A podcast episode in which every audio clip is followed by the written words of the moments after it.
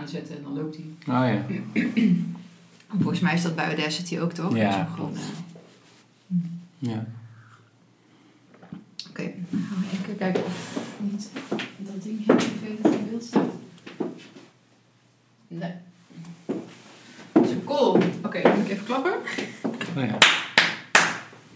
En dan het einde dan nog een keer. Oh ja, ik ga het ook onthouden. Ik moet natuurlijk nog wel een foto maken voor Instagram. Oh ja, shit, maar mijn telefoon staat nu daar. dus nu kan ik geen foto van jou maken. Want ik kan er achteraf wel. Ja. Ik vond, vond- vind het wel een beetje spannend. Waarom? Nou, ik zit meestal aan de andere kant. Dat vind ik best wel een relaxe positie. Omdat je gewoon lekker kan vragen. En, eh, maar nu ben ik degene die geïnterviewd wordt. Ja, nu moet je iets eh intelligents Ja, precies, is ja. dat het? ik heb veel meer respect voor alle mensen die ik ooit heb geïnterviewd. ja. Hoeveel podcastafleveringen heb je al gedaan inmiddels? Eh, ik zit nu op 57. Ja. Ja, moet eens kijken joh. Ja, echt bizar. Gewoon ooit begonnen gewoon als gewoon...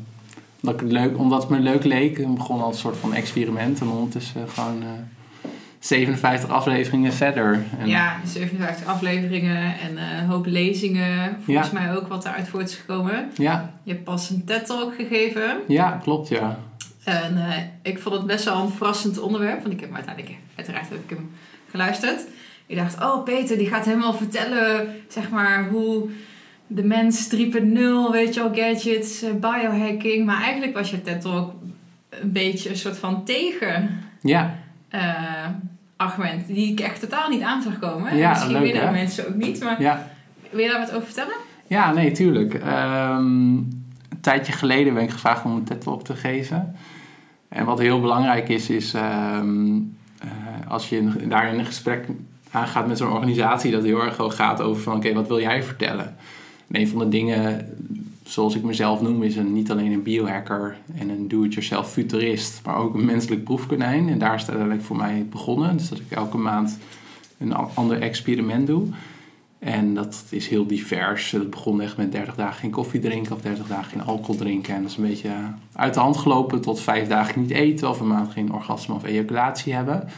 En in gesprek met de organisatie had ik het daar ook over. En toen zei ze van, ja, maar dat is natuurlijk niet heel erg spannend. En toen zei ze van, misschien om jou te helpen, het thema van eh, dit jaar, van het editie van dit jaar, want het is TEDx Delft, is eh, As a Matter of Faith. Dus, oh, een, ehm, eh, dus best wel veel, heel breed kan het zijn, hè? Is het Ja. geloof in nieuwe technologie of dat soort dingen.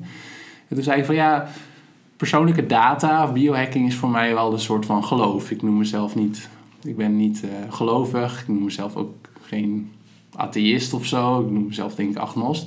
Maar voor mij is persoonlijke data wel een soort van, ehm, ja, een soort van basis waar ik mijn leven op, op afstem.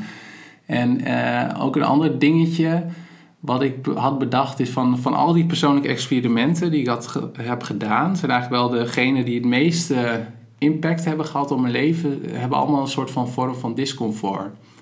Dus inderdaad dat vijf dagen niet eten of je tijdelijk onthouden van dingen. Dus op het moment is dat wel moeilijk, maar uiteindelijk geeft dat wel de meeste voldoening en heeft dat denk ik ook wel de grootste eh, effect op mijn gezondheid of op geluk of dat soort dingen.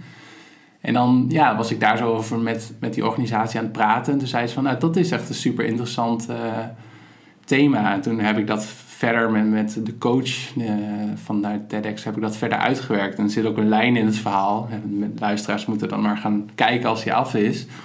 Maar hè, van dat ik de ene kant geloof ik daar ook wel in. Maar op dit, in, in zeg maar dat technologie dingen steeds makkelijker maakt. We hebben ook heel veel te danken aan eh, innovatie en technologie. Eh, alleen als, op het moment dat we eigenlijk nog mensen zijn van vlees en bloed die over miljoenen jaren zijn geëvalueerd, zijn nog wel bepaalde, bepaalde dingen waar nog geen shortcuts voor zijn. En dan moeten we nog wel steeds gebruik maken van, eh, ja, van die moeilijke dingen. Er is nog geen. Ik ben ook een keer geïnterviewd voor Valerio Zeno voor een programma. Dat ging over eh, langer leven en onsterfelijkheid. En, ehm, en toen hadden we het. Toen hadden we het ook over, toen ging ik met hem ijszwemmen bijvoorbeeld. En toen zei hij ook van, ja, waarom doe je nu al die moeite? Wat als er nou in de toekomst een pil is die je slikt... en dat je gewoon die alle negatieve effecten van slecht eten... of te weinig bewegen of dat soort dingen teniet doet. ja, dat vind ik super interessant. Wat, Mm. wat zou dat dan, ja, wat betekent dat dan ook voor ons? En gaan we dan echt helemaal los met alleen maar junkfood eten en niet bewegen, slecht eten of ja. Even een sidestep. Het was natuurlijk gisteren 1 april. Ja, Eh, je, je, je triggert me even. Je zegt, eh, oh, als er dan een pil is, volgens mij kan Ben Greenfield eh, met eh, het supplement to rule them all met alle nutriënten en alle, alle eh, vitamines en zo. Ja. Dat is natuurlijk ook een 1 april. eh, ja, ja, ja. Ik, maar misschien is het in de toekomst helemaal geen 1 april grap. Dat er inderdaad één pil is die alle, alle schadelijke effecten... Ja, denk je dat we, dat we daar naartoe gaan? Ja, Dat dat mogelijk is? ja, dat denk ik wel. Ja, ik weet, weet niet of dat over 10 jaar is of over 50 jaar of over 100 jaar. Maar ik denk dat we, ehm, en dan kom je eigenlijk een beetje bij mijn andere interessegebied, waar ik ook nu de meeste lezingen over geef. Het gaat eigenlijk over, de, over innovatie, over de toekomst van, eh, van de mens eigenlijk. En allerlei, allerlei technologieën die er op dit moment zijn en wat voor impact die hebben op ons als mens. En ehm, ik geloof niet zozeer dat je naar de drogist gaat en dat er dan één pil is, een universele pil, maar ik geloof meer in gepersonaliseerde medicijnen. Dat je bijvoorbeeld je genoom hebt laten analyseren, je epigenoom, en dat je hormoontesten doet en bloedtesten. En dat je dan, eh, dat je dan thuis in je 3D geprint, bioprint eh, een, medicijn op maat krijgt elke ochtend. Of een supplement die, waar je op dat moment behoefte aan hebt, eh, aan bepaalde hormoonwaardes of neurotransmitters of dat soort dingen. Dat, ja, ik denk dat dat onontkoombaar is. Dat is wel een mooi spanningsveld tussen, zeg maar, je... je, je, nou, ik ga niet je clue van het ook verkloppen. Die moeten mensen inderdaad zelf maar even bekijken. Maar ehm, tussen die twee uitersten. Ja, Want aan de ene kant is, is het echt zo van... Oh, weet je wel, dit is wat er straks allemaal mogelijk is in de toekomst. ja, Eh, maar aan de andere kant... Ja, weet je wel, we hebben dat oude lijf. En eh, eh, er zijn geen shortcuts. ja, je moet die oncomfortabele dingen doen. Ja, je noemde al eentje ijs zwemmen. ja, en niet eten. ja. Ehm, ja, ik vind dat wel een interessant spanningsveld wat je opzoekt. ja. Ja, Ja, nee, zeker. En ik heb daar zelf ook niet het antwoord op. Maar het is ook wel een soort van grotere trend die ik wel zie in, eh, eh, ja, in het veld van biohacking. Want eh, biohacking... Eigenlijk ben ik ooit begonnen met, met Quantified Self. Dus Quantified Self is voor de mensen die nu, nu kijken... is dat je allerlei dingen van je leven kan meten. Dus zo'n horloge die... ik ben ooit begonnen met het meten van echt mijn sportinspanningen. Dus ik was heel veel bezig met hardlopen en wielrennen. Tegenwoordig doe ik dat nog steeds, maar ook bijvoorbeeld crossfit erbij. En een van de dingen die ik heel leuk vond aan, eh, aan wielrennen is... Of nee, ik begon echt met hardlopen. Dat zijn die hartsla- hartslagmeters. Dat je kan zien hoe ver je rent en met welke snelheid. En op een gegeven moment kun je dan slimmer trainen met je hartslagzones. En ehm, nou ja, rond die tijd, ik denk vijf jaar geleden of zo. Dus als je, dat, eh, als je dit in 2000, deze podcast in 2020 luistert, eh, laat ik zeggen dat het ongeveer in 2013 was. Eh, toen, nou, kwamen, toen had je die hartslagmeters, maar toen kwamen ook al de eerste apps op. Bijvoorbeeld Runkeeper voor het hardlopen of Strava voor het wielrennen. En dat vond ik heel erg interessant. Want ja, ik weet niet, het zit ook een soort van in mij. Misschien een beetje de nerds die ook gewoon al die gadgets leuk vindt. En al die getalletjes Ja, en al die ja. andere dingetjes. En toen ben ik daar vooral heel, in het begin heel veel over aan het schrijven geweest.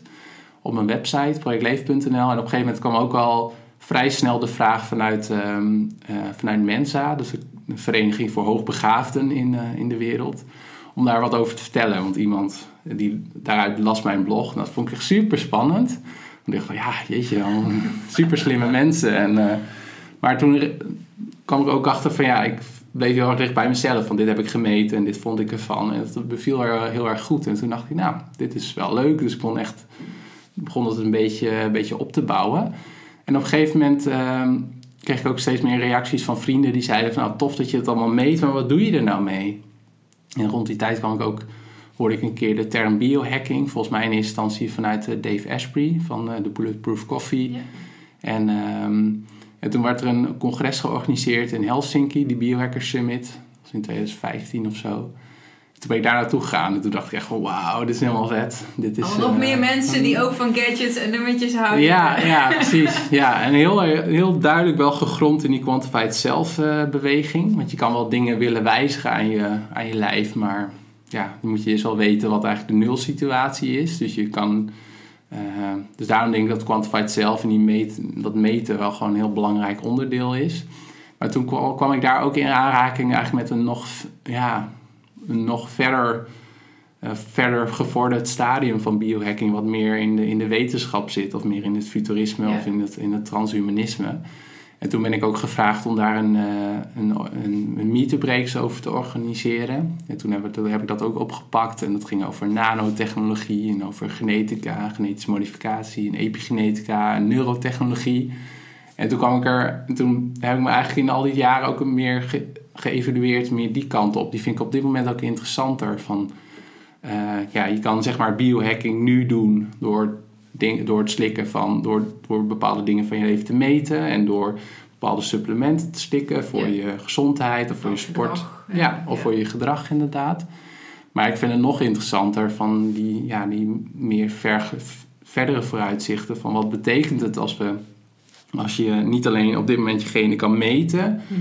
maar misschien door middel van CRISPR-Cas9 ook daadwerkelijk kan ingrijpen op je genen. En wat als we dat, eh, als die technologie beschikbaar is en we gaan dat in- niet alleen gebruiken om zieke mensen beter te maken, maar stel je voor dat ik een, mijn gen wil optimaliseren, dat ik meer spiergroei ga krijgen, Mhm. wat bijvoorbeeld iemand in Amerika heeft gedaan, een bekende biohacker. Ja, dat vind ik echt super Oh, interessant. dat heeft iemand al eh Ja, dat heeft- Succesvol ook of niet? Nee, dat is niet Oh. succesvol. Maar hij heeft het wel gedaan als, eh, als soort van te laten zien van. hij zegt het om, om de discussie op gang te, te brengen. Ja.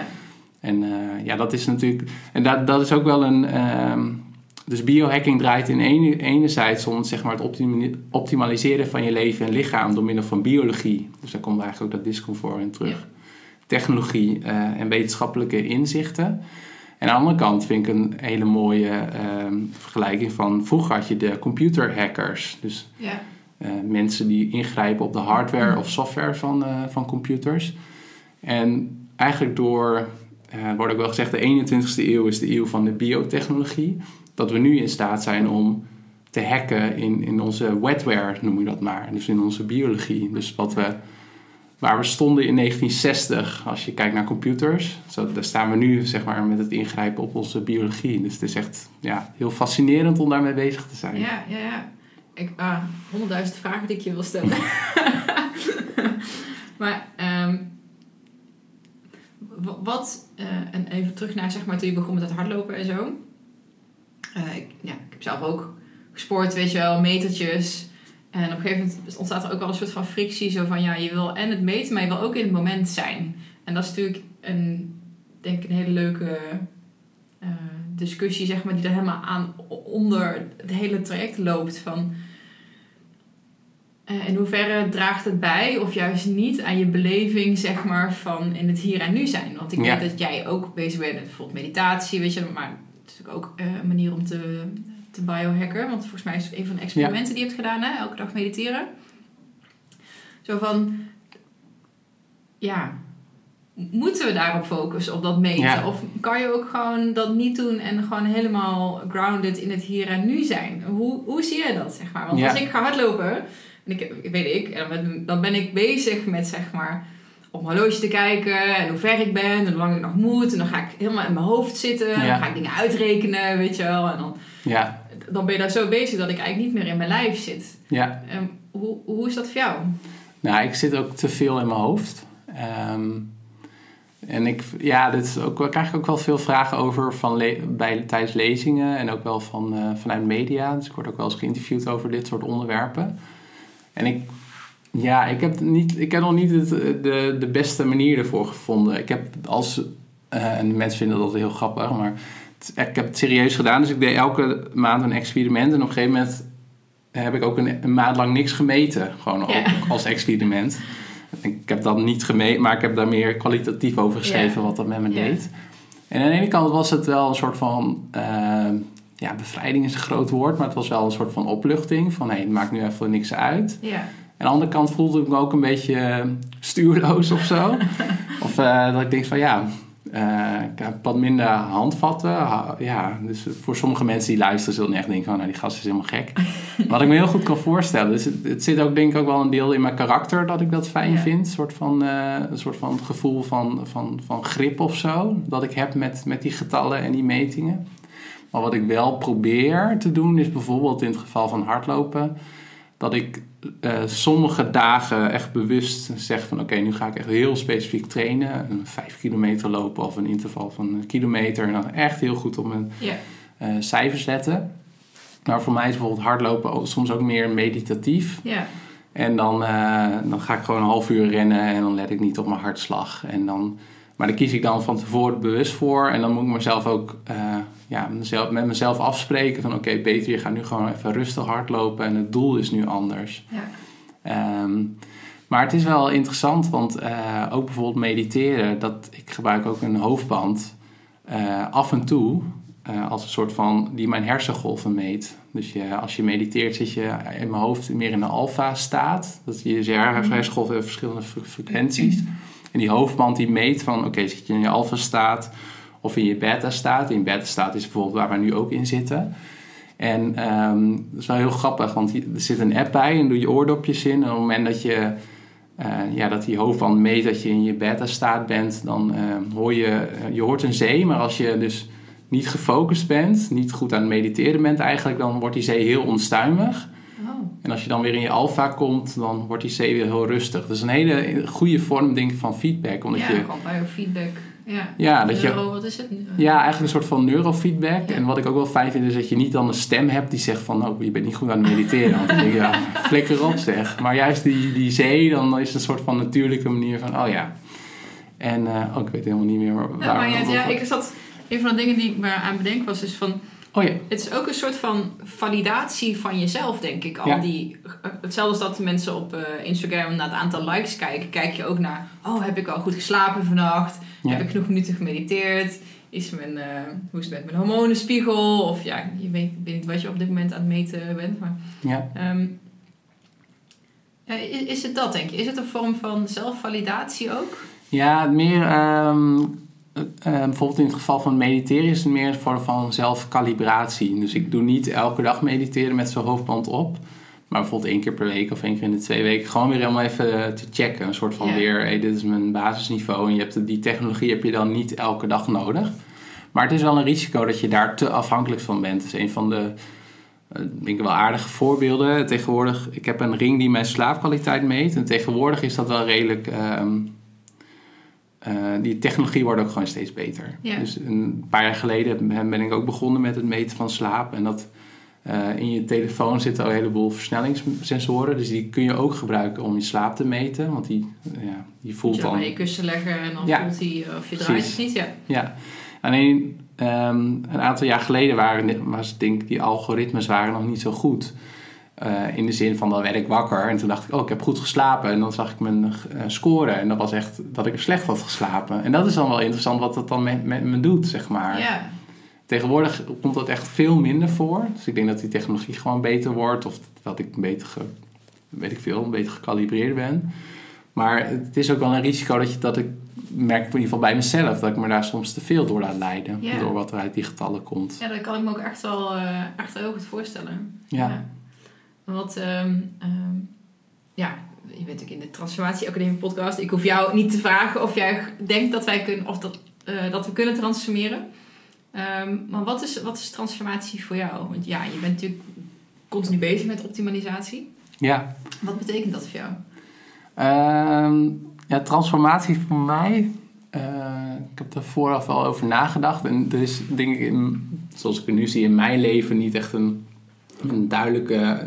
Ik zie in mijn leven, in mijn professionele leven, in ieder geval een soort van meer een evolutie. Dus ik ben echt begonnen. eh, ik was gewoon aan het werk voor vijf dagen per week. En toen echt vanuit mijn interesse ben ik, eh, ben ik een blog gaan begonnen. En op een gegeven moment eh, lezingen gegeven en een podcast. En toen kon ik mijn ehm, ehm, mijn loondienstverband afbouwen en mijn, ja, mijn eigen bedrijf opbouwen. En ben ik echt vanuit Quantified zelf meer naar biohacking gegaan en van biohacking nu meer richting ja, de wetenschap en technologie eigenlijk. En ehm, maar wat ik vooral interessant vind is van wat, hoe gaan wij als mensheid transformeren? Hmm. Dat vind ik echt super boeiend. Ehm, Nou, vertel. ik heb geen idee. Nee. nee, er zijn zeg maar twee richtingen die. ehm, dit bedenk ik allemaal niet zelf hoor, maar het zijn echt een beetje twee richtingen waaraan wordt gedacht. Of drie eigenlijk. De eerste is van nou, we blijven gewoon zoals we nu zijn. Nou, dat kan. Ehm, aan de andere kant denk ik van ja, het zit toch wel in ons, in ons als mens om ja, technologie te blijven ontwikkelen en dat gewoon te blijven proberen. En ja, noem het de, de, ik weet niet of ik het zo goed zeg, de selfish gene. Dus dat wij ons gewoon willen blijven verbeteren en onze genen doorgeven en blijven ontwikkelen. En, eh, en de tweede vorm is eigenlijk van dat, dat er een soort van supermens ontstaat. Eh, en daar heb je eigenlijk een heleboel verschillende eh, technologieën die nu redelijk aan het begin staan, waar heel veel van wordt verwacht. Eh, om je een paar ideeën te geven, bijvoorbeeld nanotechnologie. Dat we in staat zijn om minuscule robots in onze bloedbanen te brengen, die dan naar een bepaald, eh, die kunnen, eh, een bepaald gebied kunnen gaan, bijvoorbeeld waar, eh, waar een tumor zit en, en daar dan hun interventies kunnen doen.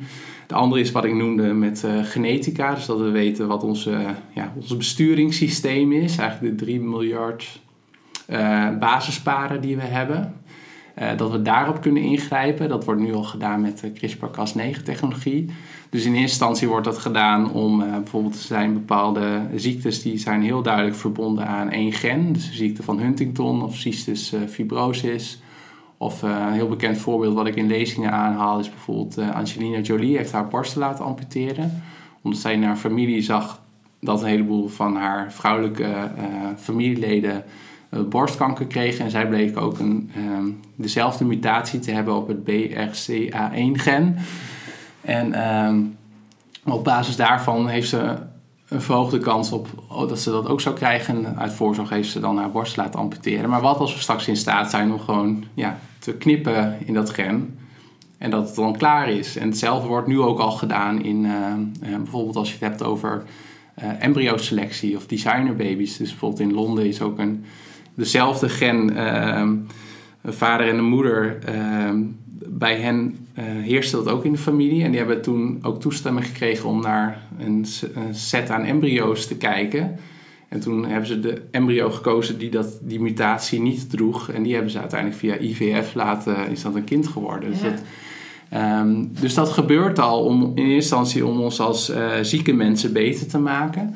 Alleen het zit heel erg in ons als mens om de technologie dan ook te gebruiken op een gegeven moment om goede mensen nog beter te maken. Ehm, dus in het geval van genetische modificatie kunnen we straks bijvoorbeeld onszelf eh, eh, een beter gen geven voor meer geheugen of dat soort dingen.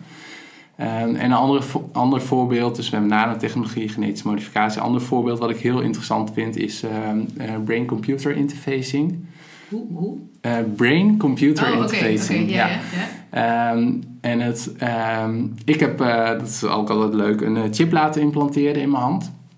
En dat is echt versie 0.0.0.0.0.1 van wat er allemaal mogelijk is. Ja. En dat is ook de, ja, noem het cyborgs of symbiose van mens en machine.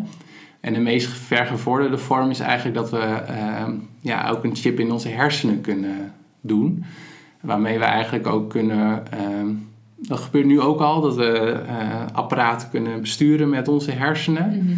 Maar wat als we ook direct kunnen communiceren met, eh, met de cloud bijvoorbeeld. Ja. Dus eh, als ik lezingen of presentaties geef, dan zeg ik ehm, eh, van nou, wel, hoe zou het mooi zijn als jullie hier zitten en dat jullie direct kunnen checken op Wikipedia in jullie hoofd of het nou klopt wat ik zeg bijvoorbeeld. Lijkt me verschrikkelijk. Ja, sorry.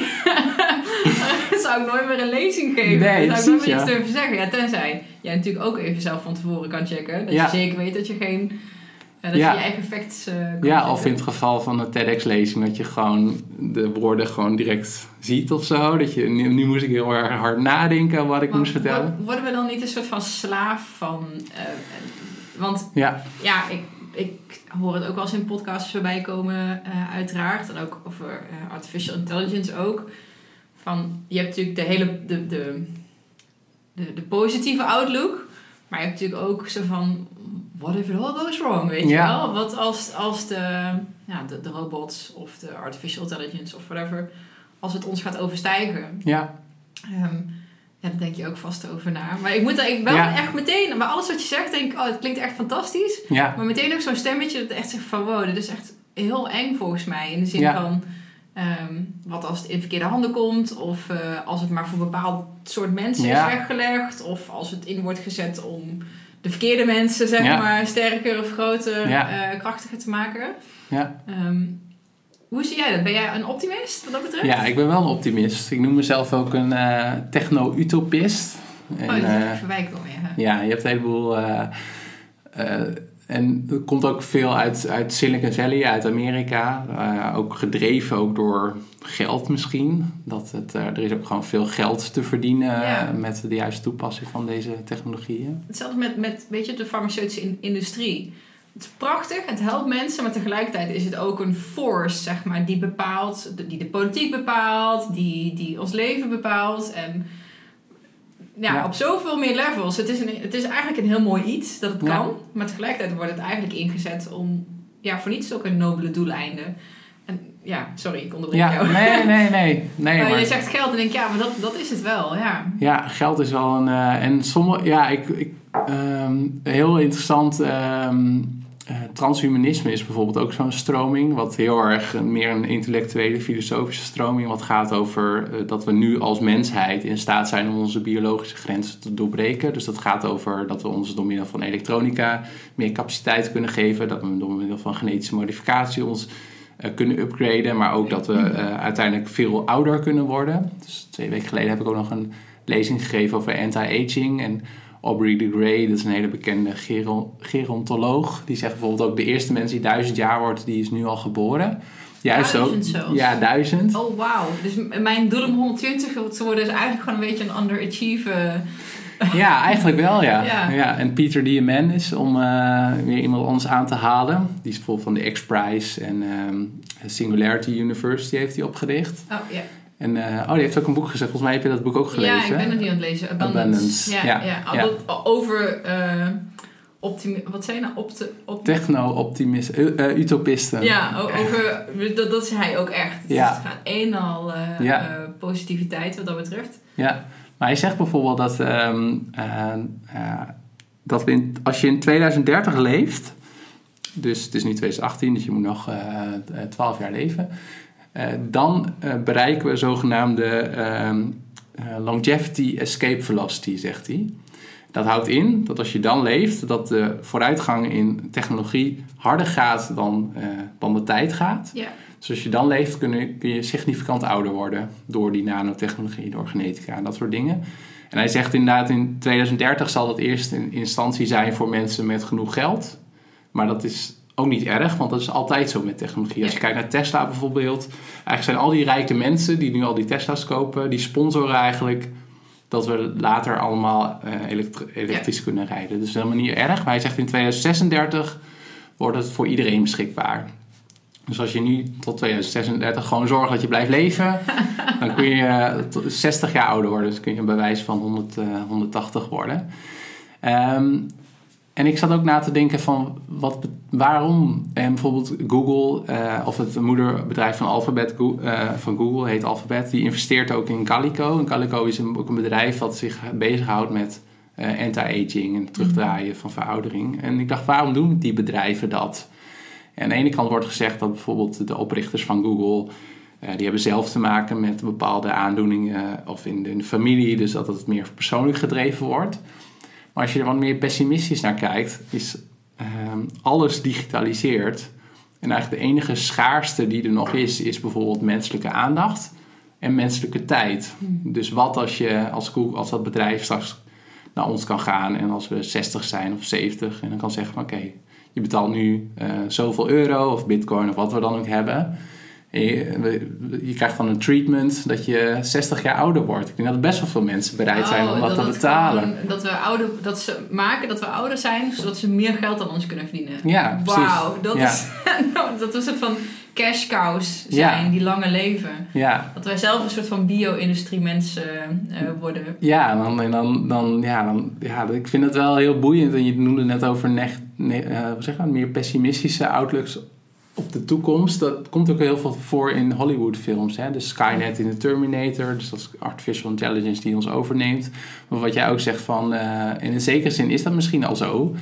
Eh, zeg maar de visie die een beetje wordt geschetst, geschetst in de Matrix. Dus dat wij eigenlijk als Ja. mens gewoon Ja, eh, ja, betalen. batterijtjes. batterijtjes. en dat we op onze social media klikken en scrollen en dat we daarmee een soort van betalen.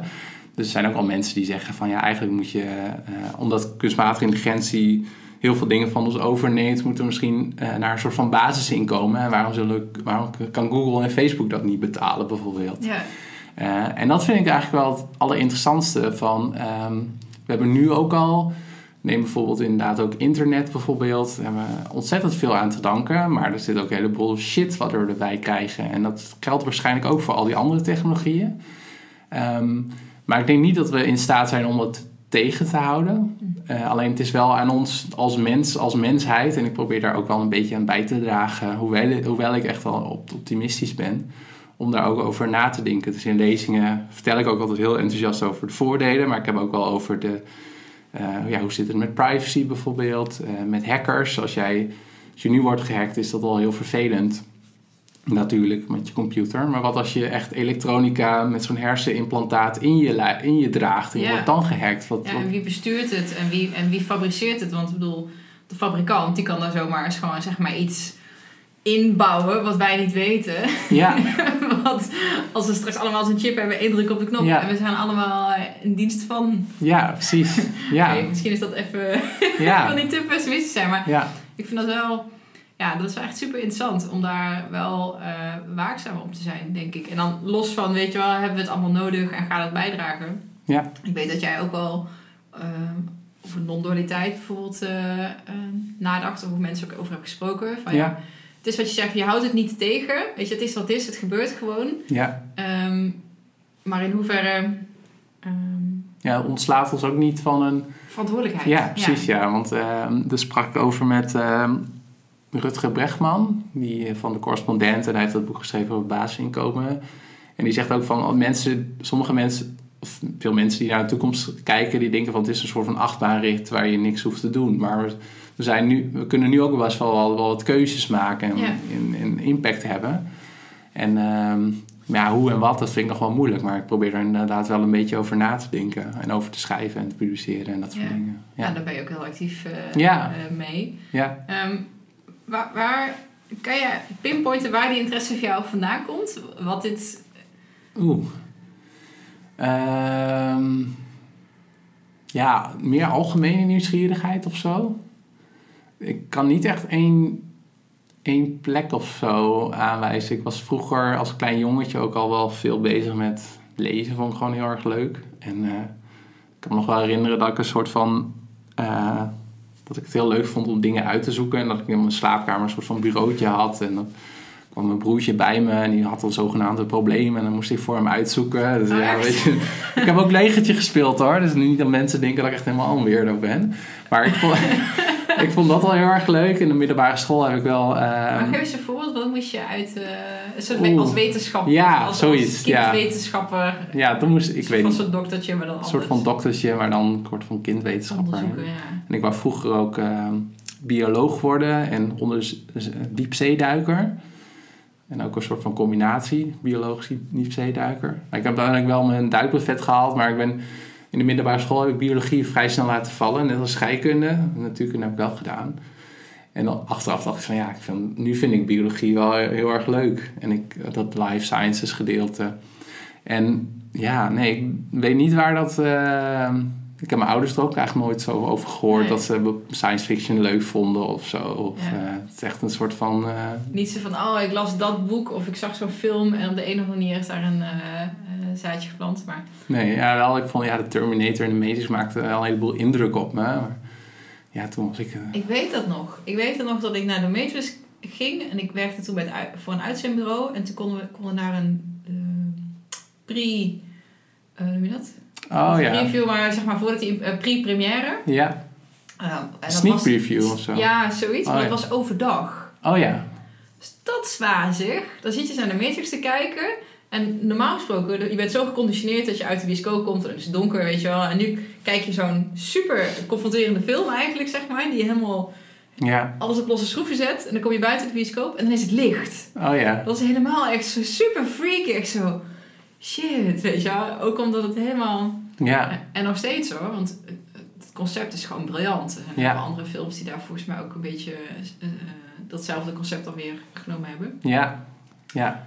Maar hoe, ja, misschien is het ook wel re- realistisch. En ik hoor ook wel eens eh, theorieën dat wij eigenlijk gewoon een soort van computersimulatie zijn. Ja. je, dat we dat, Ja, ja, dat is ook. Dat heb ik ook wel eens gehoord. Ja, dat we eigenlijk al in een bepaalde simulatie leven. En dat er nu een bepaald experiment wordt gedaan. Bijvoorbeeld, er wordt ook wel eens gesproken over bijvoorbeeld de intro- in- introductie van Bitcoin. Dat dat ook eh, een simulatie is geweest. Ja. Dat, en dat wij nu een van de vele simulaties zijn waarin dat wordt geïntroduceerd en wordt, wordt gezien wel hoe we daar als mens mee omgaan. En ik heb ook wel eens gehoord dat we gewoon hier op de aarde neer zijn gezet, juist om ons door robots uit de ruimte, juist om ons te laten evolueren naar een staat waarin we eigenlijk gewoon robots zijn of zo. Ja, maar misschien is dat een ja. interessegebied waar je, waar je niks over leest, dat weet ik niet. Maar Eh, nou, dat, eh, steeds meer. Maar ik, ik durf er nog geen harde uitspraak over ja, te doen. Maar het is wel heel... We het niet, maar... Het is wel heel interessant eh, wat ook wel wordt geschetst. Dat wij, ehm, wat ik bijvoorbeeld ook niet wist, dat wij, ehm, wij zijn nu homo sapiens. En ik dacht van, nou ja, dat we zijn op een gegeven moment zo geëvolueerd. Maar je hebt ook de Neandertalers en Ja. eh, die andere En verschillende rassen had je. verschillende rassen. Maar die andere rassen zijn er niet meer. Omdat we ze hebben uitgemoord als homo sapiens. ja. En die wordt ook wel hetzelfde gezegd rondom eh, eh, artificial intelligence. Of bijvoorbeeld die supermensen versus... Dus misschien heb je straks wel de supermensen die zichzelf ehm, ja, significant hebben kunnen upgraden. Dus als ik nu nootropic slik bijvoorbeeld... dan nou, kan ik misschien op eh 10% beter functioneren dan anderen. Bij wijze van. Ja. Of als ik mijn genen weet of mijn genen kan aanpassen... kan ik misschien 20% beter functioneren. Ik noem maar wat. Maar als je al die andere dingen optelt, heb je misschien wel een groep mensen die A het geld heeft en B het wil, die, eh, ja, die, veel, Capaciteit, ja. die eh, veel beter, dat noemen we dan de supermensen. En misschien heb je een groep die dat niet kan betalen en ook niet wil, de na- natuurlijke mensen. Nou, misschien kunnen die heel goed samenleven, maar misschien zeggen de supermensen op een gegeven moment wel van ja, we hebben die natuurlijke mensen niet nodig. En dan heb je echt een soort van nieuw soort wat is ontstaan. Ja, en, en is de mens dan inherent goed of slecht? Want als de Ja. mens inherent goed is, dan gaan die supermensen ook die kwaliteit beter ontwikkelen. En dan geen haar die er dan aan, op hun hoofd die eraan denkt om de andere mensen uit te moorden. Ja, Maar als ze niet inherent, zeg maar, ja, ik weet het niet of we inherent eh, goed Ja, zijn. Dat is een hele andere discussie. ja dat is wel, eh, ja. Zo van, ja, ga, ga- kunnen wij wel, zeg maar, harmonieus samenleven? Ik denk Ja. eigenlijk niet. Als je weer kijkt naar de geschiedenis, zeg maar, Nee, dan hadden we het al lang gedaan als we dat echt hadden kunnen. ja. Ehm, Ja, nee, absoluut. En dan wordt inderdaad, sommige mensen zeggen ook van. eh, eh, Kevin Kelly schrijft dat wel mooi. Dat er een soort van holos ontstaat. En dat dat niet per se. Holos? Ja, dat, dat we. Die combineert dat dan ook met eh, Internet of Things. Dus dat er.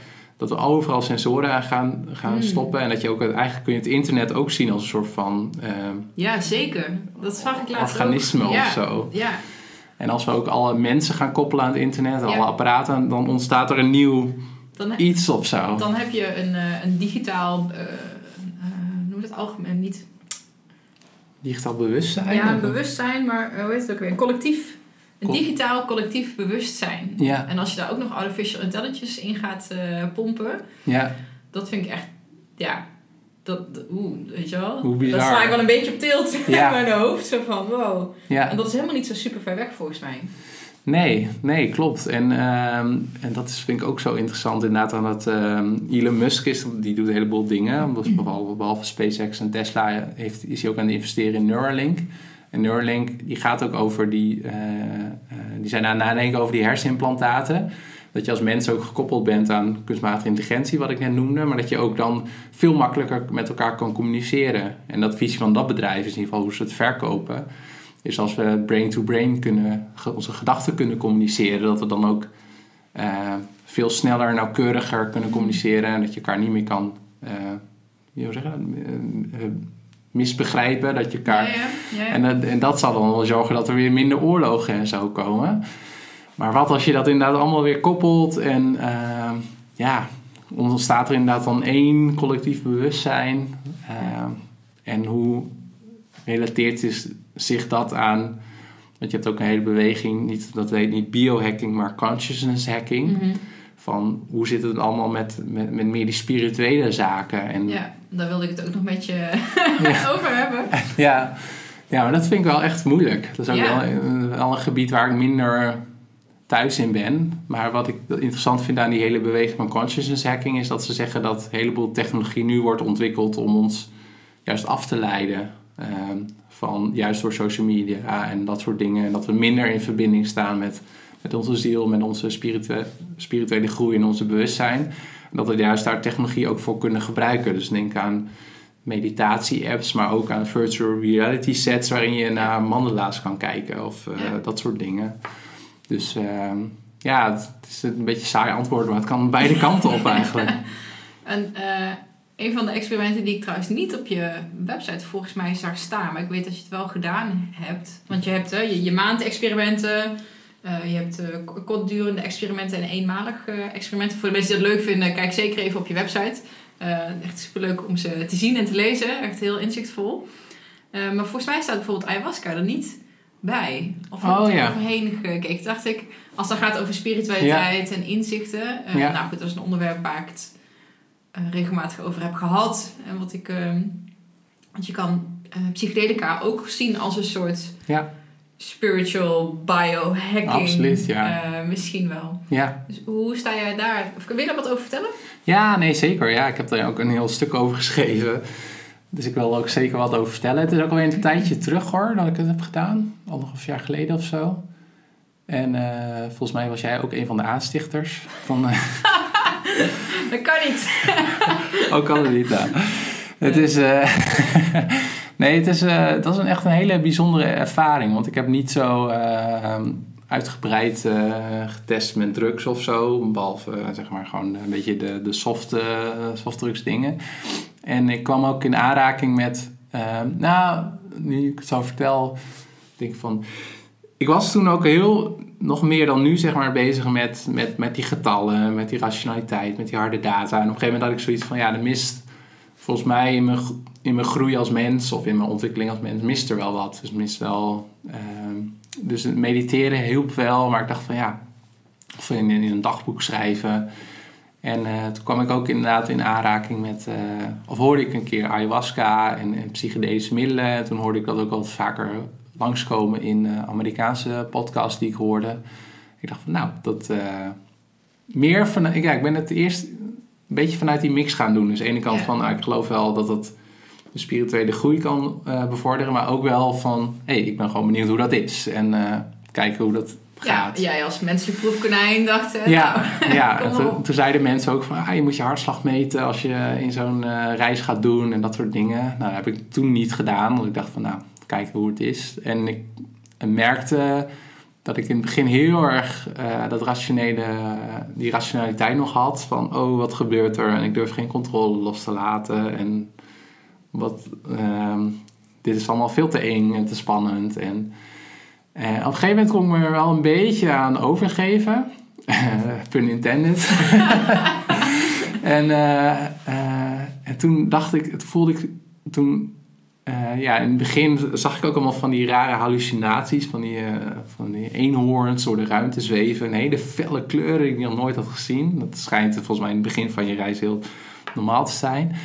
Ja, en toen zag ik ook dingen met, met mijn vriendin en met mijn familie, wat heel veel indruk op mij maakte.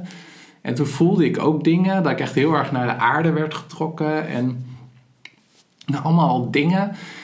En toen, na afloop dacht ik ook van, wauw, dit is, zijn een heleboel... Toen zat ik echt een, op een soort van kruising wat ik nu nog steeds niet kan verklaren. Dat ik aan de ene kant denk van, eh, ja, er zijn een heleboel zaken die je op dit moment kan meten, maar hoeveel dingen weten we eigenlijk nog niet als mens. Ja, als het daar gaat wil ik over, met je naartoe, ja. over ja, energie of, of collectiviteit of spiritualiteit of, of de ziel. En aan de andere kant was dat rationele in mij die zei van ja, dat zijn allemaal gewoon bepaalde chemische processen in mijn hoofd dat gewoon dat heeft losgemaakt. En, eh, Ja.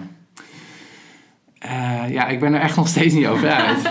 Want er waren ook echt mensen die echt dingen hadden meegemaakt ehm, over eh, dat ze geboren werden of over de eerste drie jaar of zo. En dat ik denk van ja, dat kun je toch ook niet zo verzinnen. En aan de andere kant waar, wordt het in ieder geval in de groep waar ik zat ook wel gebruikt voor mensen die nou, best wel traumatische ervaringen hebben ge- gehad. En dat het daar ook heel goed werkt. Of dat psychedelica bijvoorbeeld ook in, volgens mij ook door het Amerikaanse leger nu wordt eh, getest om Ja. eh, mensen, te, militairen te helpen die Ja. terugkwamen met... eh, Eh, zowel, zowel LSD als MDMA zijn nu een soort van fase 3 clinical trials mee bezig om eh eh, posttraumatische stress volgens mij met name te behandelen. ja, Ja, Ja, ja en, dus dat, en dat is voor mij zeker wel een vorm van, van, van biohacking. Omdat ik denk van, eh, we kunnen dat...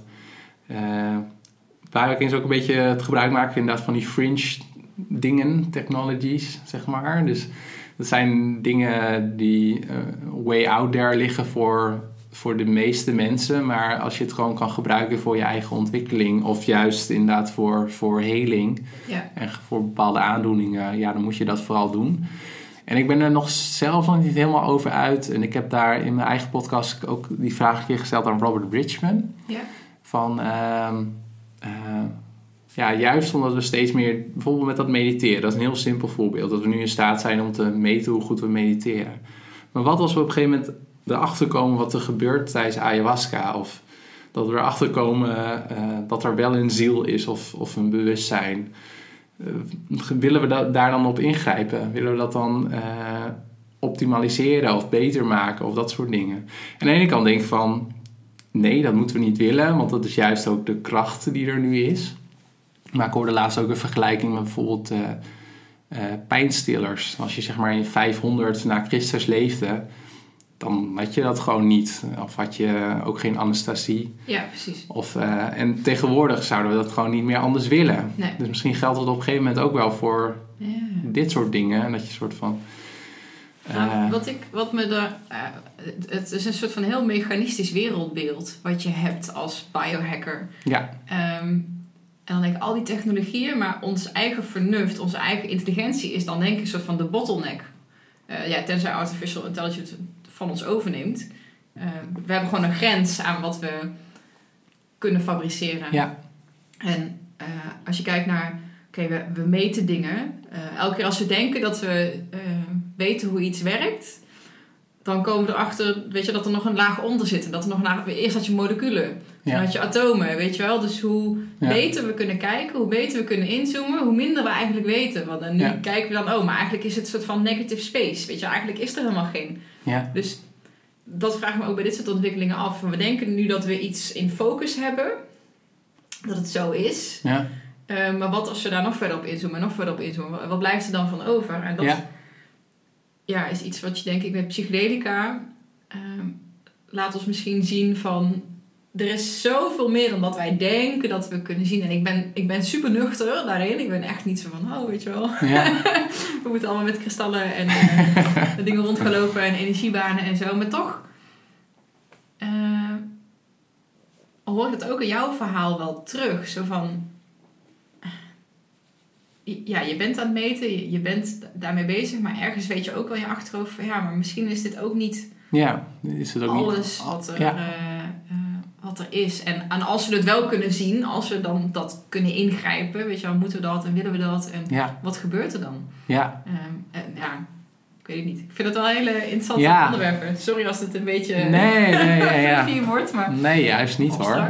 Ik, ik merk bij mezelf dat ik heel erg die, eh, die mechanische, me- ja, mechanische blik wel heel fijn vind. Omdat me dat ook Ja, het wel... stelt eh, heel erg veel gerust, want het, het, Ja. het, het, het geeft je controle. Zo van, Ja. oh, ik kan het meten en ik kan het zien en ik kan het vastpakken. ja, En ik kan er invloed op uitoefenen, dus ik heb daar... een soort van gevoel van controle. Ja, precies. Terwijl... Ja, ja terwijl eigenlijk, en dat, dat, dat is wel grappig, dat het, het, het leven aan zich heeft ook niet de controle. Omdat er ook allerlei dingen gebeuren. En ik vind dat wel interessant om dat ook eh, te gebruiken als soort van metafoor voor, voor de hele mensheid of voor de hele planeet. Dus dat we inderdaad, denk ook aan uh, climate engineering. Dus dat we nu eigenlijk wel steeds meer door de klimaatopwarming problemen krijgen met het klimaat. Grote stormen en overstromingen. Dat je dus ook een hele grote groep hebt die denkt, een grote groep de groep die er is, die denkt van hé, hey, we, we, weten straks ook zoveel dat we ook uh, het klimaat kunnen engineeren. Dus dat je bij wij ook, is ook een beetje vanuit dat uh, techno-utopisten, we kunnen het ook wel fixen. En, en dat vind ik ook wel uh, het spannende. Bijvoorbeeld ook als je het hebt over uh, gene drive. Dat is dan dat je ook bepaalde genetische modificaties kan doen die ook door in de kiemcellen. Dus dat ze ook door worden gegeven naar volgende generaties. En dat kan bijvoorbeeld een oplossing zijn om de malaria uit te schakelen. Nou, Leuk daar... ja. ik, ik, zeg het en ik denk, oh ja. malaria, ja. Nee, daar heb ik geen last van gehad. Nee, daar heb je geen last van gehad, gelukkig maar. Maar dan denk ik ook van, um, dus we leven als mens ook heel erg in de illusie dat wij uniek zijn en dat wij een soort van controle hebben over ons eigen leven of over ons als mens, maar ook dat wij eigenlijk controle willen hebben over de planeet of over, over de natuur. En in zekere zin doen we dat ook al met veredeling van rassen of met het fokken van honden, maar weten we nou echt wat daar de consequenties van zijn als het, als het, ja, als het zich doorwerkt. Want het is een heel delicaat ecosysteem wat elkaar in, in stand houdt. En hetzelfde geldt eigenlijk voor eigenlijk die, ja, die spirituele zaken. Eigenlijk, dat ik ook wel benieuwd ben van ja, hoe, hoe meer je erop gaat ingrijpen en inbeuken. Wat voor effect heeft dat inderdaad en wat ligt daaronder. En ja, we zijn wel gewoon nog steeds een mens. En ja. ja ja, ik denk dat, ja, goed, als je... Ik ben natuurlijk net al een beetje zo'n shamaan geweest. Eigenlijk is het ook gewoon een soort van biohacker. Maar dan met zijn jungle manieren. Want die is ook bezig met mensen beter maken en helen. En uh, ik kwam het laatst ergens tegen. Was ook de vraag van, is het goed dat we onszelf steeds willen verbeteren? Maar het is gewoon uh, in, een inherente drive die wij hebben als mens om... Oh, dat ging over van, is het ooit goed genoeg? Weet je wel? Kan je ooit zeggen, ah, ja. het is oké zoals het is... Uh, en dat we dat gewoon nooit gaan doen als mensen. Omdat dat, we hebben gewoon een inherent drive aan het beter willen. Weet je wel, mooier willen. Ja. groter en meer. En dat het eigenlijk niet helemaal... Dat is helemaal niet slecht. Want het heeft ons gebracht tot, weet je wel... Dat ja. is onze drive om te blijven ontwikkelen. Um, dus misschien ja, kan dat ook wel gewoon met spirituele zaken. Ik, ja. ja, maar het is wel heel grappig dat je dat zegt. Want... Uh, uh, dat doet me aan twee dingen denken. De eerste is van, uh, dat ik laatst ook sprak op een congres van de Erasmus Universiteit, voor, ook voor studenten. En het thema, een aantal andere sprekers voor mij gingen over burn-out. En dat dat zeg maar wel een, een keerzijde is van dat, dat, dat, dat we altijd ja. meer willen en altijd Ja. beter willen. En dat, dat social media één voorbeeld is van steeds meer willen. Maar ik zei bijvoorbeeld ook toen, ehm, eh, in het geval van die hersenimplantaat, Instagram of Facebook zouden het ook super interessant vinden om direct toegang te hebben Oh, tot je man. hersenen. Liever niet. Nou, wat betekent dat dan voor, Ja. voor social pressure en dat soort dingen? En eh, dat ik aan de andere kant ook wel door mijn biohacks en ook door mijn eh, podcast interviews bijvoorbeeld, eh, de, had ik eentje met Ernst-Jan Fout van het Dankboek, heeft hij geschreven. En dat ging ook over de, krant, de kracht van dankbaarheid. Mhm. En dat je dat juist, in, dat heb ik ook nog steeds, en dat, ehm, juist in het streven naar altijd beter, altijd sneller, altijd een soort van supermens worden Mhm, of zo. Dat, dat, eh, eh, eh, dat, dat je dat ook kan opbranden.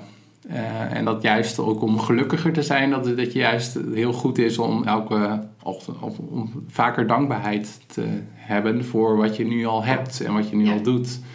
En dat je daarmee jezelf weer een upgrade kan geven om gelukkiger te worden. Ja, dat is ook wel weer tegenstrijdig, hè? Maar je moet stoppen met streven. Ja, Maar als je nou elke dag dankbaar bent, dan ben je wel wat gelukkiger. Dus ook daar, weet je wel? Dat is... ja, eh, en misschien, en ik ben ook heel analytisch en dan ga ik er ook over nadenken. Ik moet er ook helemaal niet zoveel over nadenken, maar het gewoon doen, weet je wel. Het Ja. niet dat het tegenstrijdig is. Maar... ja, maar het was wel grappig, want ik was een tijdje geleden op, eh, op het Faalfestival. Dat was een festival in eh, Utrecht en dat, hoor je tegenwoordig ook wel veel meer hè, van nou, falen is goed en dat, dat is ook, klopt allemaal wel. Faal, in de zin van eh, failure. Ja, precies. Ja, ja, ja. Ja. En eh, dat, eh, ehm, maar de hele toonzetting van het festival was eigenlijk ook van in de verhalen die dan terugkwamen van ja, falen, ik heb gefaald en daardoor ben ik heb ik dit wel bereikt of heb ik me wel ontwikkeld. Maar het falen op zich, het gaat dan gaat het altijd weer over het beter worden en niet over Ja. het falen. Dus dat, eh, dat is heel interessant. Ik heb laatst echt een fantastisch boek gelezen. Een zekere aanrader. eh, Dark Night of the Soul. Ja, burn-out wordt er niet genoemd. Maar je zou het echt linea recta ook voor mensen die een burn-out hebben kunnen lezen. Ehm, en ik heb dat meteen, zeg maar, ik, met mijn eigen laatste lezing ook meteen erin verwerkt. Want dit is volgens mij eigenlijk een soort van een ontbrekend stukje. Want we zijn al bezig met zelfoptimalisatie en zelfontwikkeling. En we zien die persoon in de toekomst, die willen we graag zijn, weet je wel. Ehm, ehm, daar willen we naartoe. Maar er zit een kloof tussen. Weet je, en we proberen met allerlei shortcuts en trucjes en biohacking. En weet je zo snel mogelijk die kloof te overbruggen. Terwijl ik juist denk van, nee, misschien moeten we die kloof gewoon afdalen en erin gaan. En daar falen. Omdat we daar, het is zo'n computerspelletje. Je moet je character nog ontwikkelen, zeg maar. Je hebt nog, je moet nog dingetjes, ja, eh, skills en, en competenties en vaardigheden en kennis en inzichten opdoen. eh, om die persoon te zijn die aan de andere kant staat. Dus Ja, eh, onze shortcuts, dat kan ook met voeding bijvoorbeeld, weet je wel. Oh, je wil heel snel heel veel afvallen of daar al zijn. Of, maar als jij niet de skills en de vaardigheden opdoet om de persoon te zijn die jij daar bent, zeg maar. Het, het is een integraal onderdeel van ons pad, is om die kloof in te gaan. ja, Denk ik, om die obstakels, en ik zag het ook, eh, een boekje van eh, The Obstacle is the Way ja, om die obstakels tegen te komen. En, en falen is inderdaad, ik vind het wel grappig dat ze daar een festival van maken. Heb je nodig. ja, Omdat je kan niet, oh die persoon in de toekomst, ja, dat ben je nu nog niet. En dat is Nee. de reden dat je dat nu niet bent, omdat je nog dat pad te bewandelen hebt. Ja. En dat is natuurlijk heel oud, dat zeggen de Ja. natuurlijk ook al, weet je wel. Het gaat Ja. niet om het einddoel, het gaat om de weg ernaartoe. ja, Eh, en dat is misschien ook een beetje wat. wat en nou, ik heb absoluut geen weerstand tegen buiwerking, totaal niet. Ik vind het echt mega fascinerend. Maar ik denk van, zijn dat dan geen shortcuts ja, die ervoor zorgen dat we te snel willen misschien? Ehm, en hebben we als mensheid dan wel de competenties en de skills, weet je wel, om dat allemaal dan ook juist op de juiste manier in te gaan zetten? ja. Ja, misschien moet je er inderdaad dat proces ook wel door. Dat je, als je te, te snel er bent... Ja, Ehm, ik heb ook dat, eh, een boek gelezen, The Slide Edge. En dat, daar wordt ook het voorbeeld genoemd volgens mij van eh, waarom eh, loterijwinnaars ook... Dat je altijd hoort dat ze binnen zoveel tijd weer, eh, Ja. weer hun geld ja omdat je verliezen. dus niet die persoon. Ja, Ja, je bent niet die persoon die zijn eigen rijkdom heeft vergaard en die weet hoe die met geld om moet gaan. Want die skills die heb je gewoon nog niet. ja, Je bent de persoon die niks heeft, die in één keer, ja, die kan daar niet mee omgaan. Ja. ja, ja, en dat is wel grappig, want inderdaad... ehm, in, in biohacking lijkt, heeft wel een soort van implicatie van in zich. En misschien gebruik ik dat ook wel in, in, in social media en zo. Van dat inderdaad dat het allemaal shortcuts zijn, dat het helemaal makkelijk is. En dat wordt ook gedreven door commercie. Ja. Maar een heleboel elementaire dingen. eh, dus dat was in het begin over mijn TED-talk als het gaat over Ik je zeggen, gezondheid. ja, dan gaan we even terug. eh, Ja, maar misschien geldt dat ook wel voor onze mentale groei. Dus stel je voor dat je straks inderdaad een brain implant hebt, dat je direct toegang hebt tot alle kennis ter wereld. Maar, en, en dat, daarom ehm, eh, vertelde ik ook tijdens een lezing eh, eh, van een onderwijsgroep waar jij ook die, een lezing gaf. En ik vertelde ook tegen de leraren van, ja, met zo'n chip in ons hoofd betekent niet dat jullie werk gaat verdwijnen. Want juist, volgens mij gaat het dan juist om, om die menselijke dingen, zoals... hoe, hoe moet je omgaan met al die kracht en hoe, compassie en empathie en samenwerken en communiceren en dat soort dingen. Volgens mij zijn dat geen dingen die we aan technologie kunnen overlaten. Dat zou ik echt nog wel fantastisch vinden. Als je kijkt naar zeg maar, ons schoolsysteem nu en onze werkweek. Dat is allemaal heel erg Victoriaans, zeg maar. Industriële revolutie. Van 9 tot 5 moet je in de fabriek werken. En dus ook gaan, moeten we van 9 tot 5 naar school. Dat is gewoon allemaal een drie keer per dag eten. Dat is allemaal zeg maar, om ons in dat gareel te krijgen. Maar als het gaat over transformaties en omslagpunten. Ja, volgens mij staan we daar aan de vooravond van. En past dat oude systeem nog wel? Ik denk van niet. Nee. Weet je wel? Eh, ehm, straks hoef je niet meer naar school omdat je alle kennis al hebt. Maar Ja, eh, leer mensen dan maar over bewustzijn inderdaad. En, eh, Ja. en, mindset en mentale toestanden. Wat, wat nu gewoon totaal echt helemaal niks mee wordt gedaan. nee, Ja, nee, dat zijn echt vaardigheden die gewoon veel belangrijker worden in de toekomst. Want het gaat, straks gaat het echt om van wat, wat, wat. Kijk, robots en computers en AI en hoe je het ook wil noemen, dat is gewoon in een aantal dingen gewoon veel beter dan wij als mens zijn. Dus als voor de mensen die dat interessant vinden. Ik heb, op Netflix is nu ook een hele interessante documentaire te zien. eh, hoe heet dat nou? Het gaat over ehm uh, DeepMind. Dus dat is nu over, ook overgenomen door Alphabet van Google. Die hebben het spel Go gewonnen. Go is een... Dus je hebt dammen en schaken en Go komt uit China. En dat is ja. ongelooflijk veel moeilijker dan zeg maar schaken. Dus we hadden heel lang gedacht van nou, dat, dat als mens kunnen we dat, zijn we daar nog veel beter in. Maar die documentaire, ja, ik ga een spoiler noemen. wordt de allerbeste, de Johan Cruijff, of nou ja, de Messi van het Go. Echt een, een grootheid in Korea. Misschien heb, heb jij het ook nog gezien toen je daar was. Maar echt een echt fenomenaal. Die wordt dus door een computer verslagen, door een zelflerende computer. En dus computers zijn veel beter in dingen efficiënt en effectief doen. En, eh, in- als het gaat om logica, waarschijnlijk. als het gaat om logica. En, eh, eh, maar dan wordt, eh, waar zijn computers niet goed in? Dat zijn in, in inefficiënte dingen. Dus eh, falen, experimenteren, mislukken, eh, vragen stellen bijvoorbeeld. En ik denk dat dat juist de dingen zijn die voor ons als mens... Waar, zijn we, waar zullen we als mens beter in zijn dan in Ja. computers? Dat, daar moet je volgens mij nu op richten. En dan kom je weer bij dat wereldbeeld.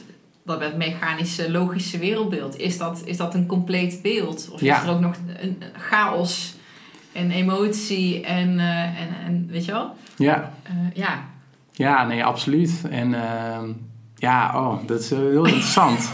Want eigenlijk, ja, zou je op een gegeven moment ook emo... Had ik het ook tijdens die lezing over van... ehm, stel je voor dat je eh, een Google Class hebt. Of ja, ik, eh, ik vertel nu ook allemaal dingen van het huidige paradigma. Hè? Dus het kan heel zijn, goed zijn als mensen dit in 2030 luisteren. dat ze denken... Ja, gast. Of hè, waar hadden jullie het echt over? Maar dat je... Dat, je dit in, dat ze dit in de geschiedenisles luisteren. Kijk nou, wat ze vroeger... Wat ze, oh, wat steltje sukkels. Wat ze toen dachten. Ja, ja. ja. zelfs dat wij naar eh, archeologische, weet je wel, dat we scherven opgraven. ja. dat ze denken, oh, wat een eh, primitieve mensen waren dat precies, toch. ja. ja. Dat mijn, mijn achter, achter, achter kleinkinderen mij eh, uitlachen. Dat, is dat, dat je nu naar een omaatje kijkt en denk je, oh mevrouw, weet je, dat met haar iPad. En dat, dat, Ja, ja, weet, ik weet ja. niet hoe het werkt. Ja, ja nee, dat, dat, dat eh, ja, heel waarschijnlijk dat dat zo is. En, nou, nou ja, dat moet je, moeten we ook een soort Ja. van nu accepteren. Ja. Ja. Ja, we kletsen zo eh, nog, nog wel een uur vol volgens mij. Hebben we al een uur gehad? Ja. Jeetje. Oh. Gaat snel hè? Dat is trouwens ook wel een onderwerp waar ik even, even de sidestep, waar Ja. ik heel erg geïnteresseerd in ben, is flow. Ah, Dus eh, dat is eigenlijk ook het principe, hè, dat Ja. je, je de besef van tijd verliest, omdat je helemaal opgaat in... Ja. eh, en dat past denk ik ook wel bij van als je nu nadenkt, als je nu aan het, aan het studeren bent of op school zit of überhaupt aan het werk bent. Van wat zijn nou de dingen waar je helemaal in opgaat. En dat dat ook je, je onderscheidende vermogen is. Ja. En dat je helemaal je besef van tijd verliest en je besef van, van zelf, van je Ja. ik verliest. En, Ik moet meteen denken aan, ehm, eh, volgens mij is dat nou, de, de man die dat boek Stealing Fire heeft geschreven. En in het boek gaat het niet echt over extase. Wat een heel interessant boek is trouwens, eh, Stealing Fire. Het gaat over flow, dat is geschreven door de flow-onderzoeker en Steven Kotler. Oh ja. Steven Kotler heeft ook dat boek met de oprichter van de Singularity University, dat boek van Abundance. Dus Ja. die, dus die eh, schrijft dat dan samen. Ehm, en het gaat dan over flow en ook dat ze dat eh, in het trainen van de Navy SEALs bijvoorbeeld, omdat je een soort van beehive eh, consciousness, dus zo'n Navy SEAL team dat opereert als Ja. één consciousness in een gezamenlijke flow state. Super interessant. En Ja. bij Google, weet je, hoe gaan ze dat, hoe zorgen ze dat die werknemers dat krijgen. Maar die meneer heeft ook een podcast interview gegeven met volgens mij Aubrey Marcus. En dan gaat het veel meer over extase.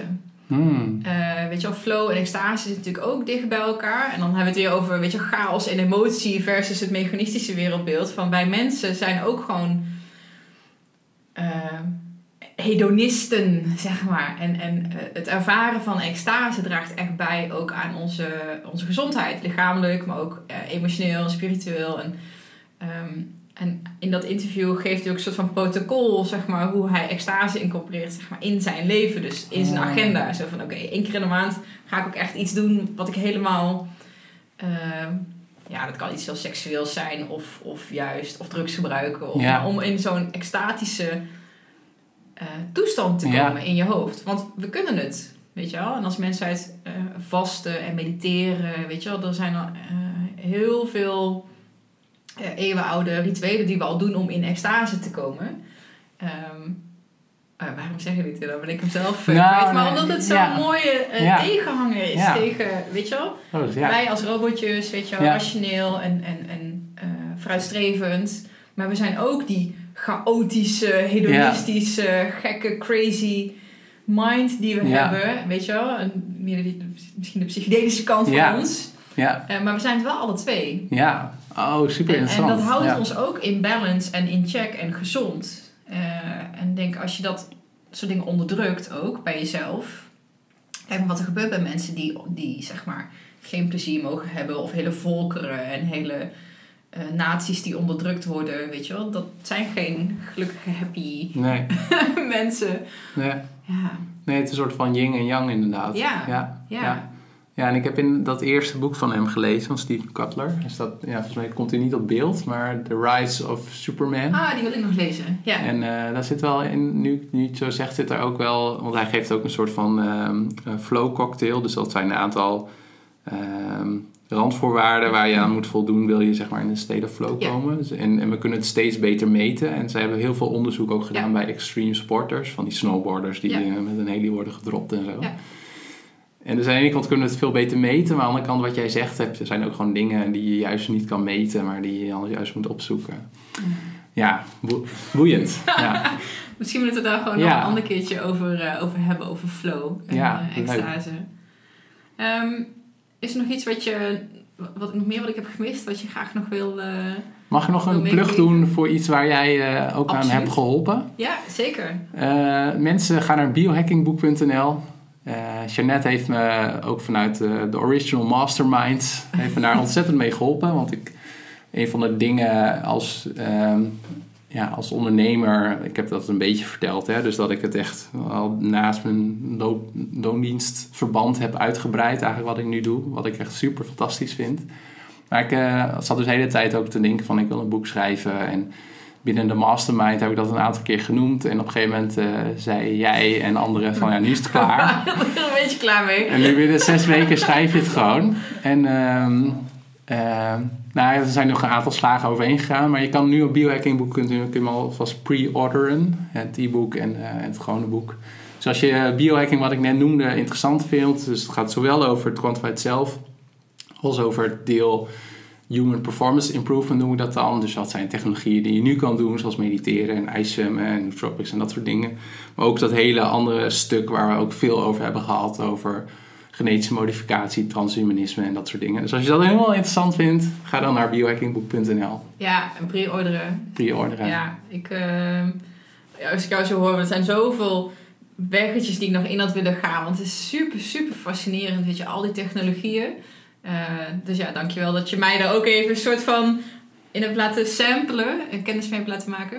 Ehm, waar kunnen mensen jou vinden, als, ze- los van het boek, als ze meer over je hebt project leven, natuurlijk de podcast? Ja, ja. Website? Eh, projectleven.nl is eh, mijn blog, waar het oorspronkelijk ook is begonnen. Dus dan kun je meer lezen over die persoonlijke experimenten en over die apps en gadgets die ik heb gereviewd en over nootropics en dat soort dingen. En eh, dan ook de Project Leven Show kun je daar ook vinden. Dat is mijn eh, podcast waar jij ook al een keer eh, in bent, met Maaike, met ja. Maaike in in ge- geweest. En ehm eh, peterjoosten.net, daar kun je wat meer vinden als je me ook zou willen inhuren voor lezingen. Maar heb ik ook een heleboel artikelen geschreven over meer die technolo- technologische dingen. Dus daar kunnen mensen mij allemaal vinden. Top, dankjewel. Ja, jij bedankt. Goede vragen. Ik vond het een leuk gesprek. Even. Shit, dat kan nu niet meer, denk ik. Weet je wat? Pas wel. denk ik. Nou, laten we maar even lopen. Ja. Ja?